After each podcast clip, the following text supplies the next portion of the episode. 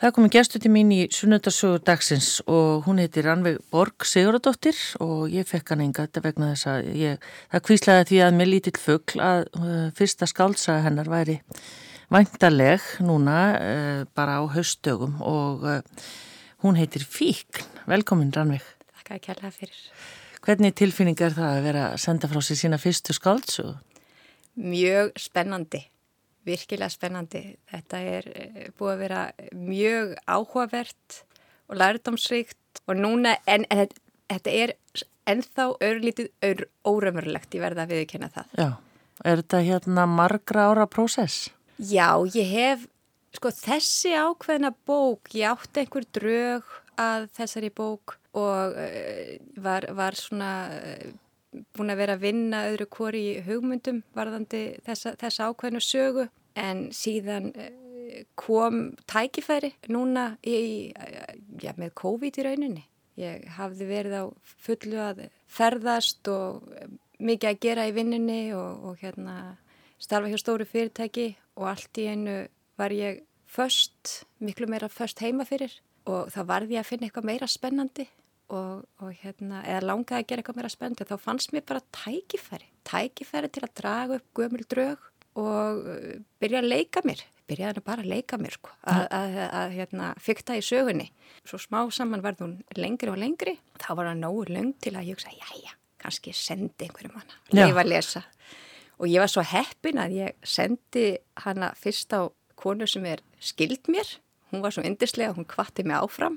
Og þá eh, held ég, held ég áfram og held áfram að leika mér með að skrifa og, og, hérna, og að lokum þá auðvitað er langað með að prófa að senda þetta útgáfi sem ég gerði. Já, við ætlum að nota hérna setjum hluta viðtalsins í, í söguna, fíkn sem að, eins og segja kemur út eh, eitthvað tíma núna á haustögu. En Rannvi Borg Sigurðardóttir, þú býrð og starfar í Sviss, þú Já. ert sem sagt í þig hérna í, í sumarleifi á Íslandi, en, en svona hver er þín saga, hvað er þetta fætt á uppalinn? Ég er fætt og uppalinn á Íslandi í Hafnaferði og er síðan eh, reyndar mikið í Reykjavík eftir það er í Vestló og hef, hef uh, verið meiri, meiri reykingur setni tíð en ég er fætt á uppvarðin í Hafnaferði, já. Já, og hvaða ár gerðastu? Ég er 72 ár gerð. Já, einmitt, gott að alast upp í Hafnaferði? Já, já, það var fínt. Það var ágætt að alast upp í Hafnaferði. Jú, jú, það var ágætt. En fer samt í Vestló? Já, ég fór í Vestló, voru frábæra ár og góðu tími og hérna og ég á þaðan mikið að góðu vinum. Þetta eru mjög skemmtilega ár og já. hérna það er gott að vera í mentaskóla í Íslandi, virkilega gott. Já, og hvernig stelpa varst? Hvernig stelpa var ég? Ég var tölvert að hlaupa á þessum tíma, þannig að ég var tölvert svona að hlaupa og, og hérna... Að keppa þá eða bara fyrir nei, nei, bara fyrir mig. Já. En síðan var ég eins og marg, ég var að vinna ná, minna með náminu, ég var að vinna á Hard Rock sem ég var ótrúlega skemmtilegt. Já.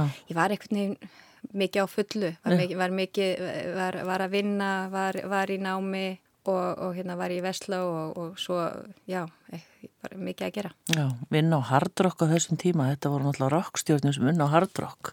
Það var, þetta er eitt skemmtirast í vinnustöðar sem ég vinnið á, ég sé það enn í dag, það var svo gaman, það var, það var, það var svo góðið fyrir gott andurslöft. Maður fór í vinnuna bara til að láta sér líða vel og svo hljóp maður um allt, þetta var svona ákveðið til að halda mann í formi. Já. Það var mjög skemmtilegt, það var virkilega skemmtilegt tíma og ég lendi því mörgum árið setna að fólk var að segja, betur ég þekki þig, betur ég hef séð einhver áður. Og þá bara komstu mikið á hardrock hérna, já, þetta var, þetta var skemmtilegt. Já, ammali staðarnir og allt já, þetta. Já, þetta, þetta mörg, mörg ár síðan en þetta var, já, þetta var mjög skemmtilegt, skemmtileg reynsla. Já, auðvitað. En hvað hérna, hvert leitaði hugurinn? Hvað, hvað langaði að læra eftir stúdinspróf? Já, eftir stúdinspróf þá var ég, mér langaði ákveðin æmitiragirni og kannski smá spennufíkni. Spennufíkni, mér langaði að gera svo margt og ég var að velta fyrir mér hlutum eins og bókmyndum sem ég hafi fundist mjög skemmtilegt í Vestló. Ég hefði líka verið að velta fyrir mig leiklist. Ég var með einhverja svona leiklistadrauma og það væri nú góður að gaman að fara í leiklist. Og ég var líka að hugsa um lögfræði. En ég ákvaði að taka smá pásu og held erlendis og langaði að læra frönsku. Og ég byrjaði þar í tungumálaskóla og finnst síðan bara frábært að vera komin út í heim. Ferðast og er að læra tungumál og langar að vera aðeins lengur. Ég ætlaði hann uppalega að vera bara nokkra mánuði og langaði að vera aðeins lengur. Og hvar varstu í Fraklandi? Þarna var ég í miðfraklandi, bæ sem heitir því skemmtilega nafni Túr og síðan var ég búin að ákveða að svona, ég, ég prófaði að setja tímum í háskóla þar svona, og þá lendi ég einn daginn, lífi getur verið svo skemmtilegt, á einhverju tíma í alþjóð og lögfræði og ég sagði bara þetta er málið, þetta er málið, mér fannst þetta svo skemmtilegu tími. Og ég ætlaði að skrá mig í tímar hjá í þessum háskóla þess að ég bjó í bænum túr sem bjó lítill og þælur háskólabær. En ég er stuttu setna bóðið í mat hjá fólki sem ég hefði kynst og bar mjög mikla virðingu fyrir og leiti upp til, þetta fyrir vínegröður og ég, og ég segi þeim frá því að ég ætli að í stefnulegfræði í þessum háskóla þá lítur maðurinn á mig og, og ég veist ekki hvert hann ætlaði. Það sagði þú ert útlendingur, það þekkir enginn þessa borg. Útlendingur sem lærir í Fraklandi hann fer ekkert annað enn til Parísar. Annars er þetta nám einskisvirði. No. París og ekkert annað. Og ég kem heim til mín og er hálf svona, því ég var í rauninu búin að taka ákverðun og svo ég segi, já, já, var nú hálf hrættu að vera að fara einn til Parísar þessu tíma. Ég er auðvitað, hafði ekki búið í Stórborg. En þetta samtal verður til þess að ég breyti umsókninni minni og breyti ákverðun minni og sæki um í París. Þannig í rauninu verður þetta kvöldverðabóð breytti, var mikill áhrifavaldur í mínu lífi. Já. Það breyttist mjög margt og ég held eftir á að hyggja að hann hafi haft fullkomlega rétt fyrir sér. Ég hefði ekki haft sömu möguleika með vinnu setna mér ef að ég hefði verið í háskólum í túr sem að enginn, sem er rétt, enginn þekki fyrir utan Frakland. Og hvað, bara fór hérna Rannvei Borg og sendin umsókn í, í, er það þá bara stæðsti háskólinn í París eða hvernig? Þetta er einn af þeim stærri, já, hann heiti Pantheon Sorbonne og hann er einn af þeim, einn af þeim stærri, hann er alveg við Luxemburgagarðin á mjög skemmtir á stað í París, er sérstaklega setna árið reyndar. Já, ég sendi inn umsókn og þetta, ég veit eiginlega ekki alveg eh, af hverju vegna þess að ég var örgulega vallorðin og góð í frönsku þessi tíma en ég fæ inni og eh, þá er ekkert um annað ræðin að flytja til Parísar.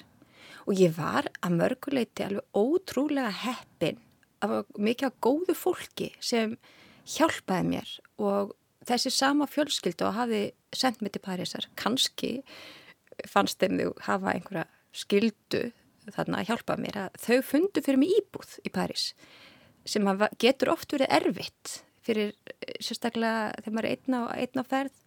Þegar ég fekk símtal og sagt að koma á einhvern ákveðin stað og þá búið að finna fyrir mig íbúð og sem að hendaði fullkomlega bara lítil stúdenda íbúð og síðan fekk ég símtöl frá öðrum hjónum sem vinnafólki, eldri hjón, frakkar sem ringi í mig og segja já já við hefum frétt að þú sért komin inn í Sorbonn og okkur langar, við vitum að það er oft erfitt fyrir útlendinga að fá ábyrðaræðila og þeir vilja oft ekki foreldra sem eru langt í burtu og ef þú lendir í þessari stöðu, ringdi okkur og ég er nei, nei, nei, þetta þarf ekki, þetta verður ekkert mál en viti menn Ég lendi þeirri stöðu að fóreldra mínir eru alls ekki gælgengir ábyrðaðalar.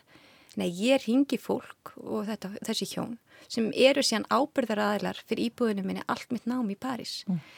Að þegar, sko, það var bara ótrúlega heppin og, og hérna og uh, frakkar hafa reynst mér virkilega vel. Mikið fólki hafa reynst mér. Ég, þetta er ómeðalegt þetta var mér ómeðalegt á þessum tíma. Mm, Þannig eru heiladísinn að einhvern veginn að verki. Já líka, ég held þetta sé að hitta fólk sem hefur ákveðna reynslu á kannski sjálft börn í námi erlendis eða hefurlært erlendis og veit hvað það er að vera einn í útlandum og, og maður getur aldrei almeinlega þakka fyrir svona Ég hef hugsað í setni tíð að einar leiðin mín til að þakka, auðvitað hef ég þakka fyrir mig, og, en, en einar leiðin er að senda þetta áfram. Þannig að ef að ég hef haft tök á því að hjálpa erlendu nefendum, og ég hef gert það hér á Íslandi, að um vinnu eða einhvern veginn eitthvað, þá hef ég gert það. Vegna þess að það, að það er einar leiðin fyrir mig að þakka fyrir, bara Já, svona senda þetta áfram. Einmitt. En svo hugsa maður, þú segir á þann sko, ég veit ekki hvort ég var á nógu góð í fransku og svona, en sko hann lögfræði á fransku í einum virtasta lögfræðiskóla í Fraklandi og kannski á heimsvísu, hvernig var þetta ekki erfitt? Jú, þetta var ræðilega erfitt og ég uh, virkilega, virkilega erfitt og sérstaklega þess að þessi fyrstu tvö árin um, eru aðeins ekki eins miðsvæðis, þau eru í mjög stórum háskóla og maður er bara númer. Það, það er öllum sameðig og það er mjög mikið fall þessi fyrstu tvö ár og líka vegna þess að fólk bara hættir. Ekkit, og, og, hérna, og þetta er algjör frumskóður Og, og er maður einn? Er já, svona, maður, nei, ég, ég reyndar eru dæmatímar, það hjálpaði mikið, það eru dæmatímar en það er enginn þannig sé að hugsa um hann. Og, og jú, þetta var mjög erfitt. Og það sem ég gerði var að ég tók upp alla tíma fyrstu mánuði, ég reði raun að vera ekkert við þetta, mér fannst þetta allt of erfitt. Og eh, ég var enga veil færum að hlusta og taka glósur á sama tíma, ég gata ekki. En ég skildi þetta en ég gata ekki. Þannig að ég tók bara upp alla tíma svo settist ég heim og hlustaði og alltaf aftur og glósaði og ótrúlega vinna fyrstu mánuðina alveg gífurlega vinna og, og hérna en það kom þó í daginn að mér fannst það eindislegt að það bankaði í mig stelp og segi vilt ekki bara fá klósuna mínar? Rógast þú með upptökutæki Ég fór með upptökutæki mánuðu saman og já, ég, það hjálpaði mér síðan að, að, að það, það voru, já, að fá, fá glósulánar uh, upptöku, ég nota, ég hætti síðan kannski svona þrjá mánuði hætti að taka tíman upp. Ja. en, en já, ég þurfti að hafa mjög mikið fyrir þessu, sérstaklega fyrsta ári, fyrsta ári var mér mjög erfitt. En þeimun meiri auðvitað ánæja þegar að þetta gekk allt saman. Og þá náttúrulega bara heldum maður áfram, ekkert annað í bóði Og hvað er þetta langt ná? Þetta voru, um, þetta eru sérst fjögur ár í grunnlagfræðinni, grunnnáminu og síðan eru sagt, eh, eitt ár sem er á framhaldsskóla stíði. Þannig að ég var í fimm ára námi. Ég held þetta hafa breyst í dag en á þeim tíma voru fjögur ár uh, sem þurfti til að ná grunn, grunnunum sem er sérst bara eins og eitthvað bachelor og master uh, og síðan er eitt ár í framhald. Já. Þannig að þú ert á útskrifar, er það þá alþjóðalögfræðingur eða hvernig, hvernig er þá titillin eða hvað? Já, titillin, já, uh, já, ég hérna, ég er bara lögfræðingur. Ég sem sagt klára uh, lögfræðina og síðan fer ég í sem er svona alþjóðu, alþjóðlegur engamálaréttur sem ég fyrir að sérhafa mér og, og hérna það, uh, ég maður að kalla sér ekkert neitt sérstað sko en það var, það var það var það sem ég sérhæði mér alþjóðlega mengamálarétti þeim tíma sko um. eða já, ég, alð, já Já, umvitt. Nei, maður ímynda sér sko að maður læri lögfræði í einhverjum löndum að þau séu svolítið svona miðu við lögin í þeim löndum sem maður lærir. Það, vistu, það, það er alveg hár rétt og það, ekkit, það hefur ekkert breyst og enda lendi ég í því uh, á, ég man eftir einhver tíman, einhver prófessor, hann var að taka mér mullögt próf og segi við mig í prófunu þú gerir þig grein fyrir þú ætti aldrei eftir að geta unni í Fræklandi eða þú ætti aldrei eftir að geta unni á Íslandi. Og ég fekk líka heyra að eh, ég, þú veist, einhvern tíman var einhver á tjamminu sem var í gekka mér og sagði hvað er þetta spáð þú ætti aldrei eftir að geta unni við þetta og eitthvað svona. En tímatin hafa breyst og uh, mikið af þeim sem voru með mér í námi mikið af þeim krökkum vorum auðvitað í alþjóðlega mengamalrétti eða alþjóðlega framhalsnámi þau komu vísvegar að. Og þessi krakkar hafa verið að sérhafa sig í gerðardómsmálum, alþjóðlegum gerðardómsmálum. Þau hafa verið að vinna vísvegar um heiminn og uh, London líki París, New York og öðrum stöðum. Og þetta tímatin hafa bara svolítið breyst. Að fer eftir við hvers konar lögfræði við störfum. Ef ég hefði sérhæft mig í fjölskyldurétti þá er mun erfiðar að gera í ráð fyrir að fara frá einu landi til annars eða refsirétti mhm. -huh. þá getur það verið mjög erfitt en þegar maður er í þessu alþjóða umhverfi eða viðskipta umhverfi þá er þetta voðalega mikið sama þetta er auðvitað ímislegt sem er aðeins öðruvísi en það er ekkert erfitt að fara frá einu landi til annars og já og þetta er verður kannski hvað maður að segja uh, við líkist meira og meira þegar, þegar tími líður þetta verður einhvern veginn sami grauturinn Um, við erum ofta, uh, það er svona ákveðin, já ákveðin hérna, það er kannski svona uh, amerískara eða breskara í Já. því sem við erum að vinna við, já. Já, þannig að hlakkar ég þið þú eru hugsað um þennan prófessor. Já, það, það hlakkar í mér, það hlakkar í, lí- það hlakkar í mér því hugsa mér að prófessor, jú, að vissan hátt það hlakkar í Asnalett að segja þetta eiginlega. Já, sérstaklega í munlugu prófi Já, á. uh, og hérna, og já, þetta var, og það, jú, það, þetta var eldri maður og ég gaf hann það og síðan líka fannst mér gott að þegar ég uh, prófa síðan að sækjum á Íslandi og þá var það ekkert mál. Nei. Ég reyndi bildir reyndar taka réttindi til að geta starfa hér en það gekk líka, þetta var allt í lagi. og ég held að krakkar í dag eigi að hugsa stærra. Ég hugsa jafnvel að þeir krakkar sem voru með mér í námi sem hugsuðu virkilega stórt og sáu það voru engir, það var allt hægt. Þetta eru krakkarnir sem eru búin að gera ótrúlega stóra hluti og ná nákvæmlega þangað sem þeir ætlaði að fara. Það er ekki, í dag held ég að hvort þeir eru lögfræðið öðru ef að fólki langar að starfa erlendis eða prófa að gera það, það var allt hægt. Já, og þú ert núna, því ég spurði þig áður en við viðtali byrja, þá ertu búin að vera aðeins lengur í útlöndum heldur en á Íslandi, Já, svona meða við æfina. já, Já. já. Þannig að fjagstu starf bara við þitt hæfi bara um leguðu útskrifaðist eða hvernig var það?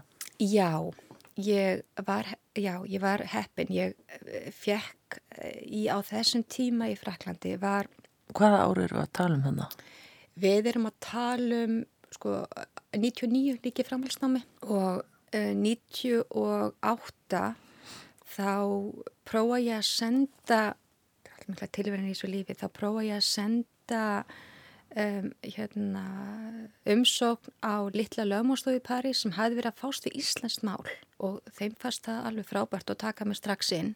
Og það skipti svo miklu mál að vera með starfsreynslu og sérstaklega þessum tíma. Það var og er held í enn mikið atvinnleysi og líka með lögfræðinga, líka með háskólamöntas fólks, það er mikið atvinnleysi og það að vera farin að vinna á stofu, bara mjög góð stofa, ég var ótrúlega heppin og, og hérna, en, en ég hugsa að þetta íslenska mál hafi verið samt komið inn, en þegar ég var komið reynslu og sótti síðan um í mjög stórum banka og eftir, þá gekk það og eftir. Já, ömmit. Og hvað starfaður lengi þar í bankanum þá?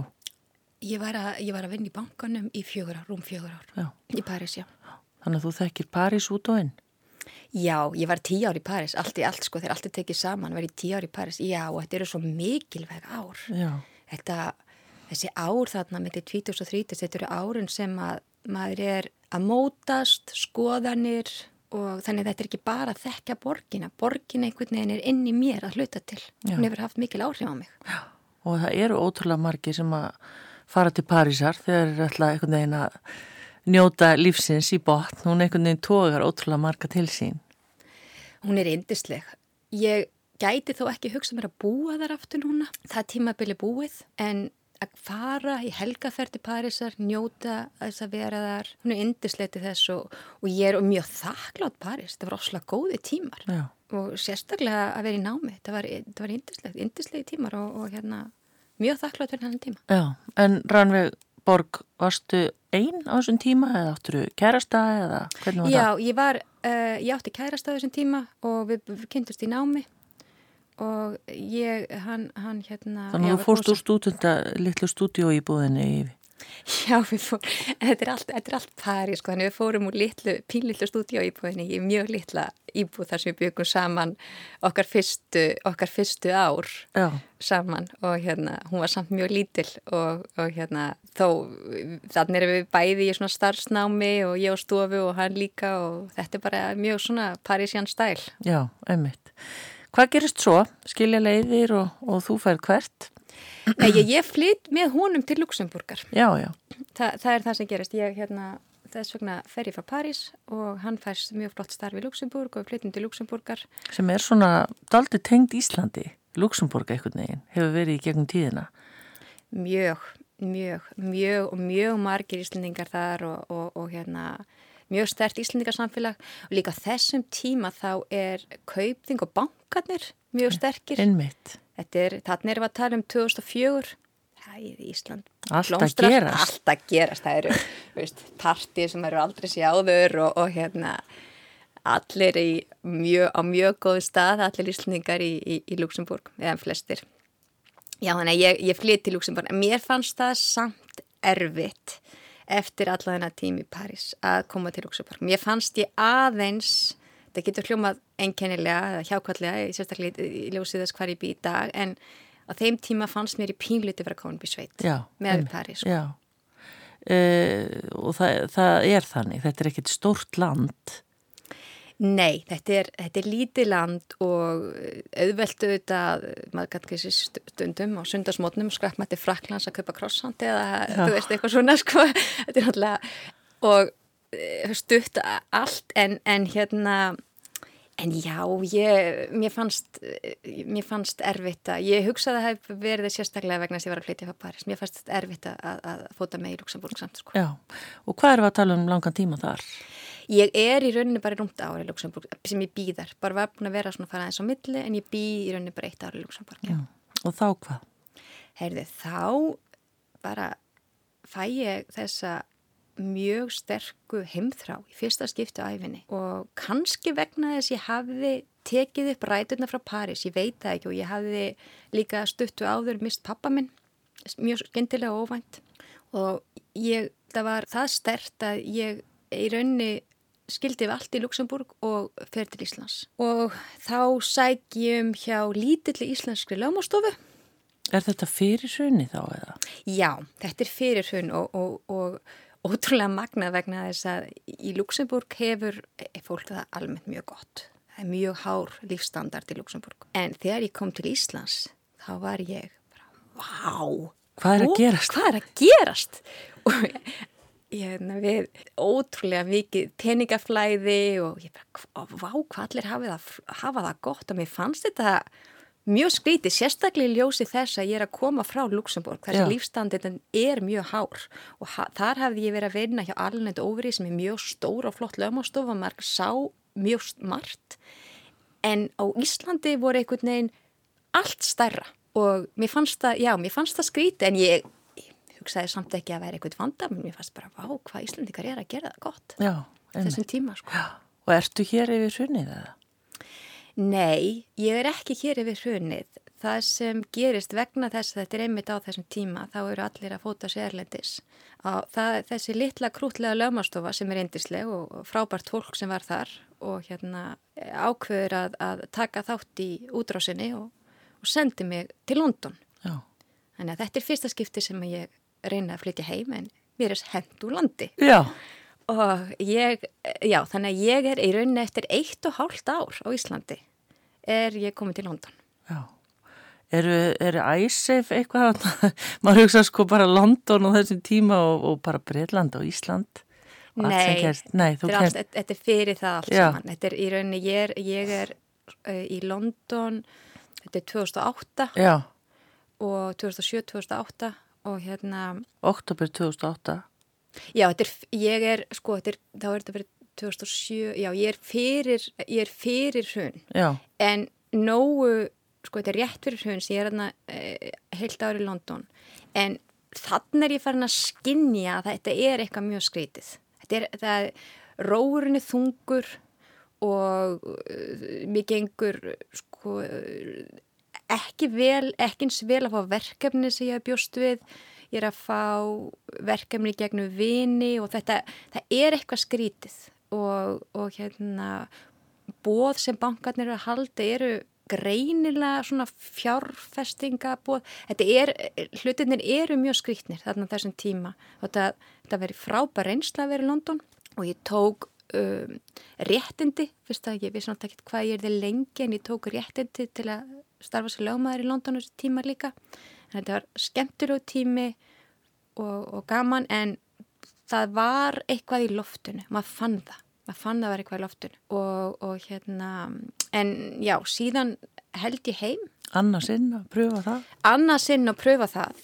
Og, og hérna eftir þennan tíma í London og, og held, held heim. Og þá fer ég að vinna hjá skiptum starfsvektvang og fer að vinna hjá frábæri fyrirtæki, eh, Actavis. Þetta var mjög, þetta fáum fyrirtæki sem ég unni hjá þar sem að ég kynntist bara nánast engum sem var ekki ánæður og ég e, fæ þarna starf sem ábyrðamæður eða lagfræðingu fyrir Ísland og, og ákveðin svæði og, og, hérna, og ferðast mikið og fannst, eh, var virkilega ánægð og gaman að vinna, vinna og var þarna orðin held ég svona í fyrsta skipti nánast farin að festa rætur eftir heima.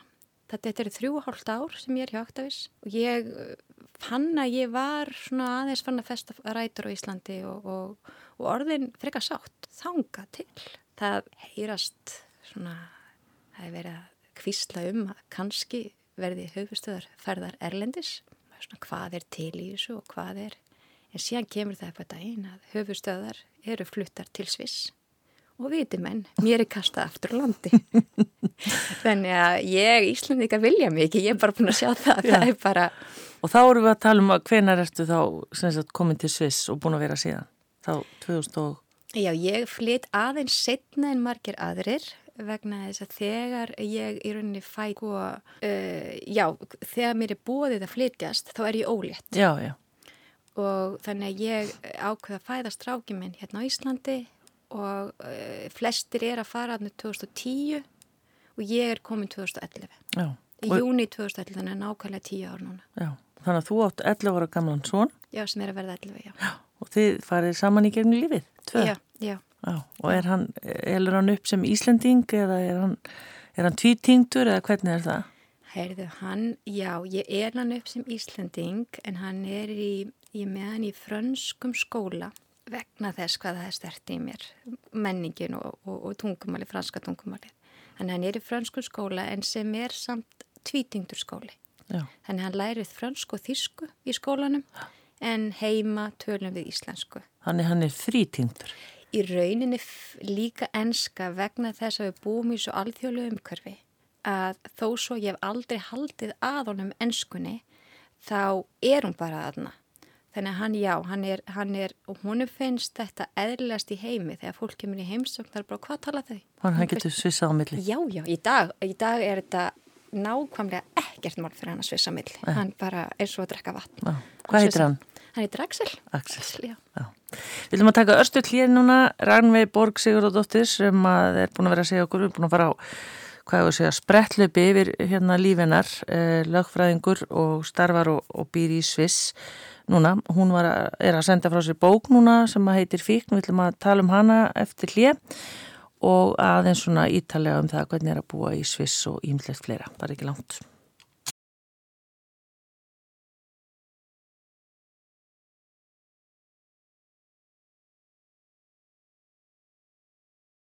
Þá heldum við að fram í setniluta Ranvi Borg Sigurðardóttir er gestur minn hér í sundarsögundagsins. Ranvi, hvernig finnst þér að renna svona yfir lífskeiðið á þessu, sko, þessu sprettlaupi sem við erum búin að fara yfir? Það er, það er sérstakt en ég hugsa að fólk á mannlag meðnum aldrei þá er ímislegt sem maður hefur gert og, og flestir en jú, auðvitað, auðvitað þetta, eh, verður þetta einhvern veginn meira þegar maður segir þetta á einingis mjög stutnum tíma Já, Já. Þú starfar í dag sem lögfræðingur hjá Adecco Group hvað Já. er það? Heyri, þetta er stórt alþjóðleitt fyrirtæki sem sér hefur sí í starfsmannalusnum og, og hérna útvistun á ímissu þjónustu og ráðgjöf fyrir til starfsmanna og líka með starfsmannaleigur og ráðgjöf og ráðningastofur og starfa undir mismunandi merkjum í rauninni. Þetta er hérna, fyrirtæki 60 löndum og mjög stort. Þannig að þú ert á sagt, fyrir COVID á ferðflugi eða hvernig?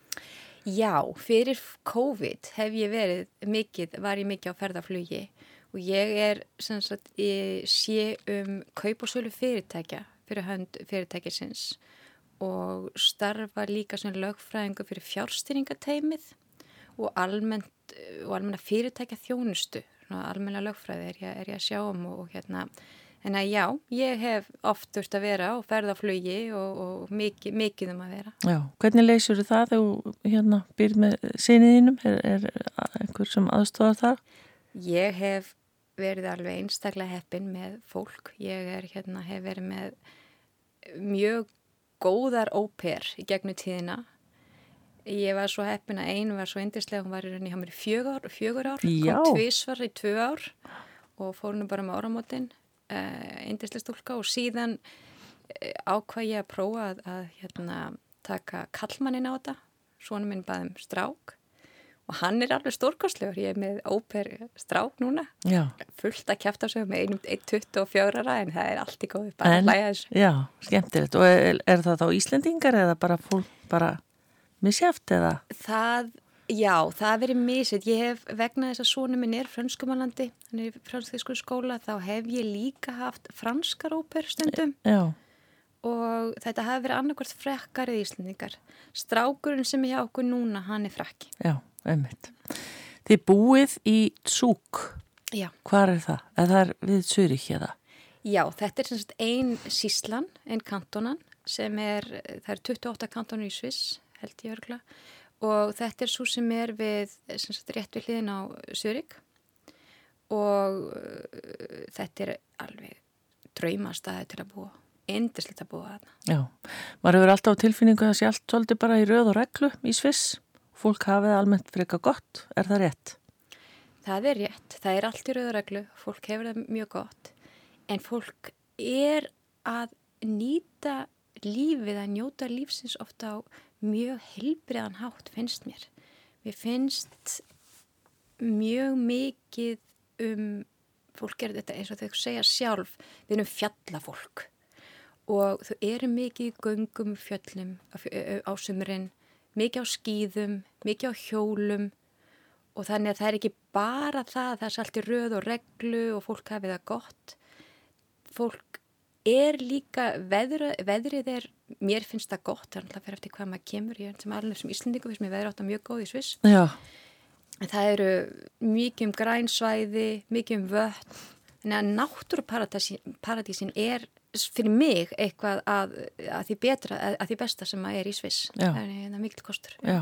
Og, hérna í daglugu lífi talar þá þýsku að því að það fólk skilur. Er ekki margir sem skilja fransku, sem sagt, ekki kannski á þessu svæði, en hvað notar þú svona daglega?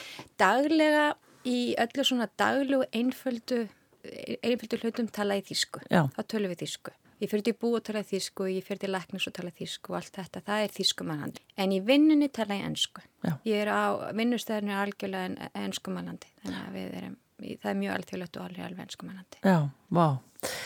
Eh, Rannveig, eh, þú ert náttúrulega útvistamannski að tala um skýða, hérna, skýða eitthvað og svona, það hljótt að vera hæ, heima tökinn. Já, það er, það er frábært. Það er náttúrulega, þetta er, eins og ég segi, þetta er ómetanlegt við Sviss, að við getum ákveðið að löga þetta smotni, bara af því bara, Já, að við ætlum að fara á skýði. Þetta verður maður degraður. Við förum ekki á skýðin um að færi sér gott og veðri sér gott. Við erum ekki að nenna að fara ef að við erum, maður verður pínlítið degraður, en auðvitað erum við mikið á skýðum og, og svona minn er mjög góður á skýðum og hann er raun að vera að fara langt fram á mér núna, þótt hann sé ekki á nellu vara. Þetta er, já. Og erum við bara að tala um einhvern hálftíma að gera það? Ég, það fyrir eftir skíðasvæðum sko.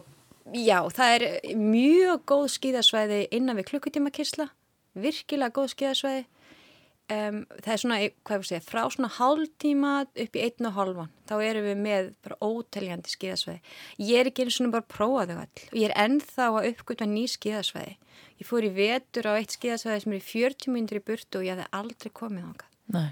og það eru um, kannski minni skíðasveið, já einhver hálftími þannig ef að mig langar bara að taka halvan dag og er kannski, þú veist, við viljum bara aðeins að leika okkur þá, þá já, þá förum við, við stittra sko. Svo eru líka komin aðeins yfir gönguskiðin Já, að það er einmitt. hérna, Er stað flatlendi fyrir það í þessum alpalandi?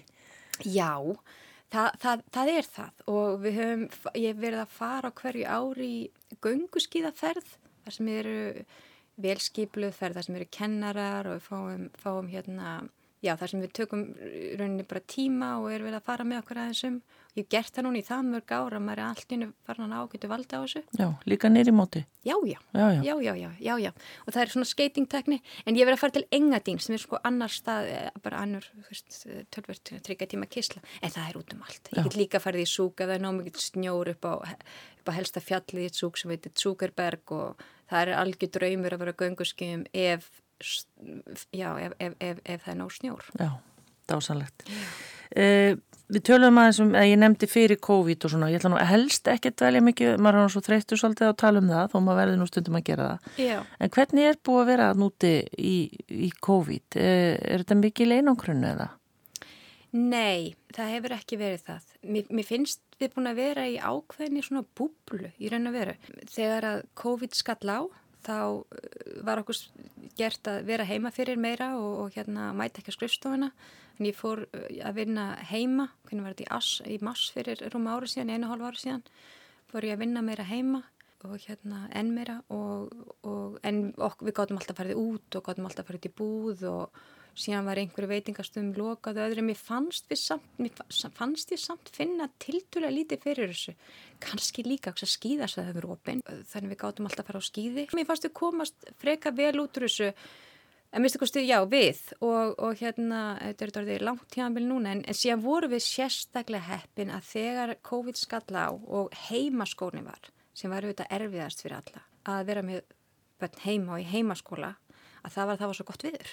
Að þannig að ég gæt sagt við sinni mínum bara að fara út að leika. Þegar að skólinni á kannski tvo tíma sem hann kláraði það sem hann átt að gera og síðan bara út að leika. Þannig að það þurfti ekki að vera inni. Það voruð erfiðar sko. en, en núna ástandið hefur verið mér hefur fundist ástandið vera þannig að fólk, það eru reglur fólk fyrir eftir þeim og annars er ekki svakalega mikið verið að tala um þetta. Nei.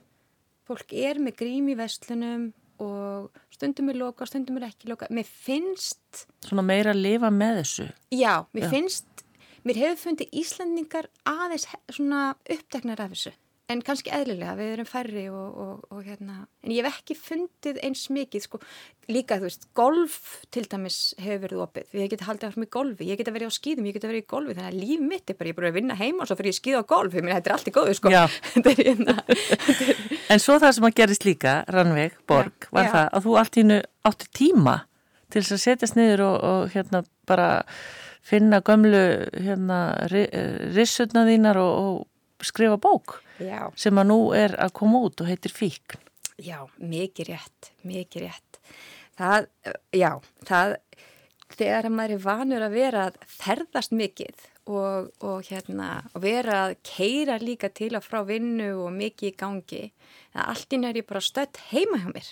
Þá, þeim ég upp gömlu rössunar og fór að leika mér og, og fyrta við að skrifa það, skrifa áfram og, og hérna, og ný, já, nýta þennan tíma. Það var hérna, skráði mér enda líki nám. Já, emmi tengt þessu, það er hvað í fíkni fræði. fræði. Já.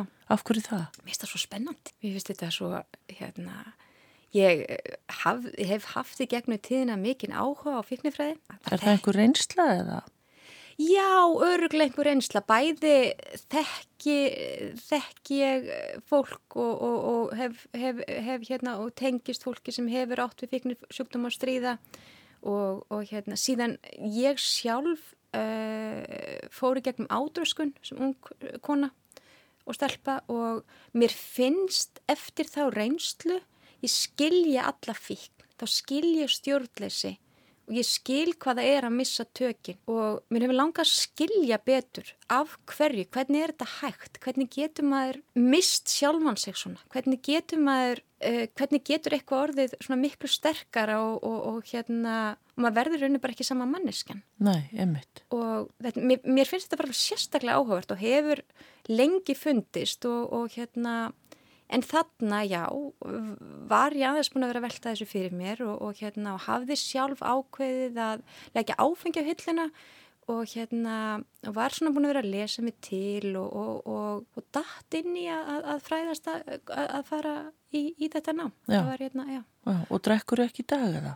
Nei, nei, ég drekka ekki í dag. Það eiginlega, þetta er nánast tilviljun. Ég verð ég hérna, var í einhverju pásu og, og hérna, ég hef farið reglulega nokkrar að fresti í svona helsuferð til Thailands og fyrir þá ferð hafði ég tekið alltaf svona ákveðna pásu og einn daginn þá vorum við að spjalla saman nokkur við borð og ég átta mig á því að þarna situr fólk sem að er að gera alls konar hluti í lífinu en það er allir að telja dagana sem þeir eru ekki búin að drekka. Mér fannst það magnað. Þetta var ekki fólk sem áttu áfengisvandamálastyrja, þetta var bara fólki helsuferð og ég segi þarna já ég er ekki búin að drekka þrjár vikur en ég kom, ég tek alltaf pása en ég fer þessa ferð og þá kvíslar að mig kona, nefni nafn og bók og segi ég er ekki búin að drekka fimm og las, nefndi bókina. Og ég var svo forvitin að ég fer beint og inn á kindl og hlið bókinu niður og las hana. Og ég bara, vá hvað þetta er magna og þá langaði mig að læra einhvern veginn meira. Bókin, er þetta eitthvað bók sem vilt segja okkur frá? Hvað heitir það? Jó, neytir This Naked Mind. Mér fannst hún bara frábær en það henda hvað hverjum sko. Mér fannst hún frábær. En er hún um það? Hvernig maður getur... Hún er í rauninu bara um, hún er fjallar til, tölvört um að, að svona rekja okkar hugmyndir um, um, um hlutverk áfengis í okkar lífi Já. og bara almennt. Hvað er svona staðla, svona aðeins að breyta okkar skinnjun á, á, á áfengi. Og mér fannst hún, já, og mér fannst hún alveg frábæra og það, það er, er eitthvað starf í undir meðutundinni og ég fer sín eitthvað að googla og mér langar að læra meira. En verður þess að ég bara, ég ætla bara að halda áfram að vera í pásu, bara já. að sjá hva, hvert það leiði mig. Og svo detti niður á þetta nám í einhverju bara leika mér að googla og það er fíknifræði, ertu þá að hugsa um þetta bara fyrir þig til að fræðast? Og ætlaði ekki að nýta þetta í vinnu eða? Nei, ég, og ég, rau, ég hef haldið því frá vinnuna, ég sé þessu námi um, ekkit, ég minna það er ekkit stórkoslega leindamál en, en, en einfallega vegna þess að það mér finnst ekki koma neitt tannis í fólki við, ég verði að gera þetta utan vinnutíma og mjög hægt og þetta er mjög ólíkt uh, því sem ég er að gera í vinnunni, þetta er bara annar heimur. En það þýðir það ekki að mér finnst ekki vinna mér skemmtileg, mér finnst vinna mér frábær. Þetta er bara annað sem ég áhuga, bara annar hlutur. Já, þetta verið mjög persónlega mér langar að veita þetta, mér finnst þetta gaman. Og mér, mér hefur fundist þetta sko það gaman að ég er ekki að þvinga mig til að hlusta fyrirlestrana. Og þeir eru, þeir eru sem sagt online og það henda mér líka mjög vel að geta hlustað online og, og hérna og geta gert þetta bara mínum hraða. Og hvað verður hvað ég ætla að gera með þetta nám, það getur vel verið að einhver tíman fari einhvers konar ráðgjöf eða ég veit ekki einhverjum, einhverjum ráðunautum eða eitthvað, það bara kemur í ljós. Ég get ekki ímynda með annað en þessi þörf fyrir fólk með þekking á fyrknisjúkdómum og í öllu falli er þetta fyrir mig, mér finnast það alveg ótrúlega fróðlegt. Já, hvað verður, allavega bókin er að koma út og hún heitir Fíkn og hún fjallar, ég sko bara búin að lesa nokkra blaðsjur að ég hafi ekki tíma til þess að lesa meira en ég svona veit sírka en hún fjallar um Ellert, er það ekki, og Freyju. Jú, já. Ellert og Freyju er aðal persónu í saman, í rauninni Ellert, já. Já, þú skrifar sem Ellert, þú skrifar sem strákur. Já, ég skrifar sem strákur. Ég byrjaði bókina þannig, byrjaði að skrifa engungu sem strákur sem Ellert og mér langaði að skrifa auðvitað undir einhverjum áhrif að náminu sýri og, og hérna og minni, minni, minni áhuga sviði á, á fíkn en, en, en hérna en mér langaði líka að sko að hérna fara inn í eh, eitthvað sem að fólk tala minna með um, svo kynlífsfíkn og, og mér fannst auðveldar að gera það sem kallmaður Af hverju? Það er örglega einhverju fordómar í bara sjálfur mér ég einhverju gamaldags fordómar. Það sé auðveldar að kallmaður hugsa um kynlíf og tala um kynlíf og skrifa um kynlíf.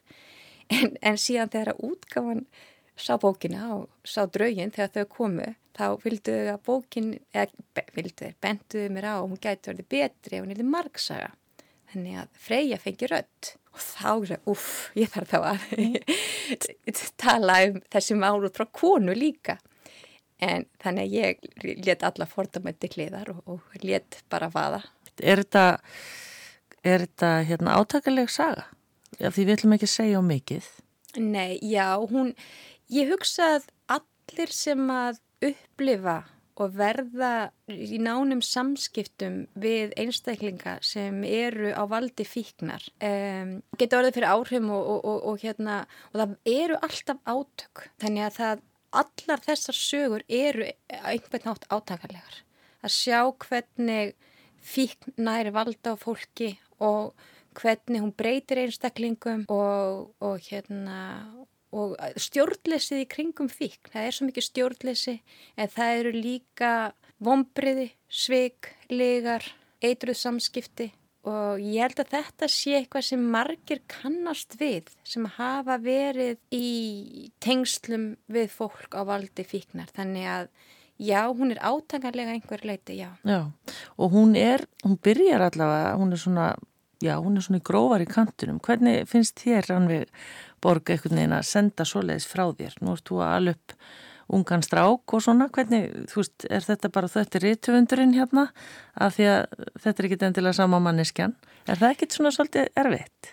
Jú, jú, það er það, en, en líka uh, þá er, uh, jú, jú, það getur alveg, ég, ég reyni að velta því ekkert mjög mikið fyrir mér, en mér langar líka bara að senda skilabóðin að gerðu það sem ég langa til, Já. við erum ekki með fordóma og minna, kynlíf, hver lirkaði ekki kynlíf? Og ef að, ef að fólki finnst þetta skemmtilegt og, og það, það hérna, og finnst þetta áhugavert þá, þá bara er það mjög mínir ánæðin en, en við erum ekki með fordóma. Og, og líka það að kona, eins og ég segja, kona tala líka um kynlíf í þessari bók og hérna það við getum líka að sé þetta bara út frá hvernig þetta sjóna með þetta er bara, þú veist, þetta, þetta er bara svona. Já, ummitt Hvernig hérna, þú ert búin að vera hvernig var sumarið á Íslandi, ertu búin að var, náður að ferðast um Ísland eða allar að hérna, koma núna aftur í haust og gera það og fylgja bókin eftir eða hvernig? Ég vona að ég komi fljótt aftur og, og fylgi bókinu eftir það fyrir allt eftir dátlu en ég vona það svo, svo sannarlega að ég, að ég komi, komi fljótt, fljótt eh, aftur til Íslands. Já, ég skrapti vestmanni, ég veist mjög gaman að koma til eiga, skemmtilegu staður.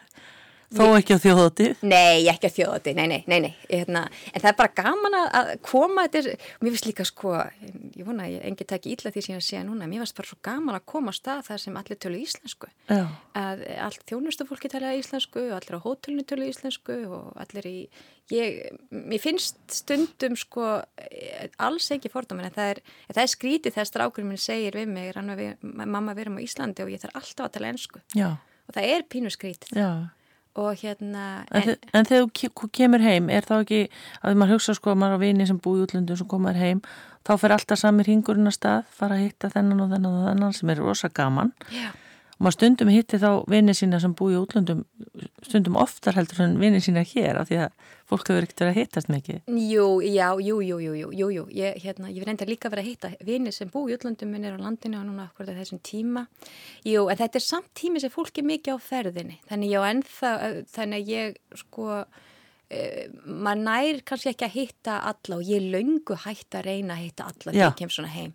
Ég sko, ég reyna að sína síni mínum landið, fyrir maður aðeins fórum í hérna, húsafell, fórum um Vestmanneja, fyrra fórum við til hérna á Snæfisnes og ég reyni að hann er einhvern, fyrst fyrir einhvern íþróttaskóla líka og svo er ég bara, þú veist, mér finnst líka vosalega gott að fara bara eini vestubæðlaugina eða bara, þú veist, lappa aðeins með frá sjónum og anda og þú veist, fara í göngutúri ég, ég nenni ekki að vera í að haka við í bóksinu. Nei, ég, Nei. ég er löngu hætti, ég er bara löngu, löngu hætti og ef að það særir einhvern eða móðgar einhvern, þá er það bara þannig. Já, ummitt Til hafmyggjum með bókina segi ég fyrir fram að því að hérna, þetta viðtalið tekið aðeins upp áður, ég veit ekki alveg það er ekki búið að gefa út nákvæman útgáfadag.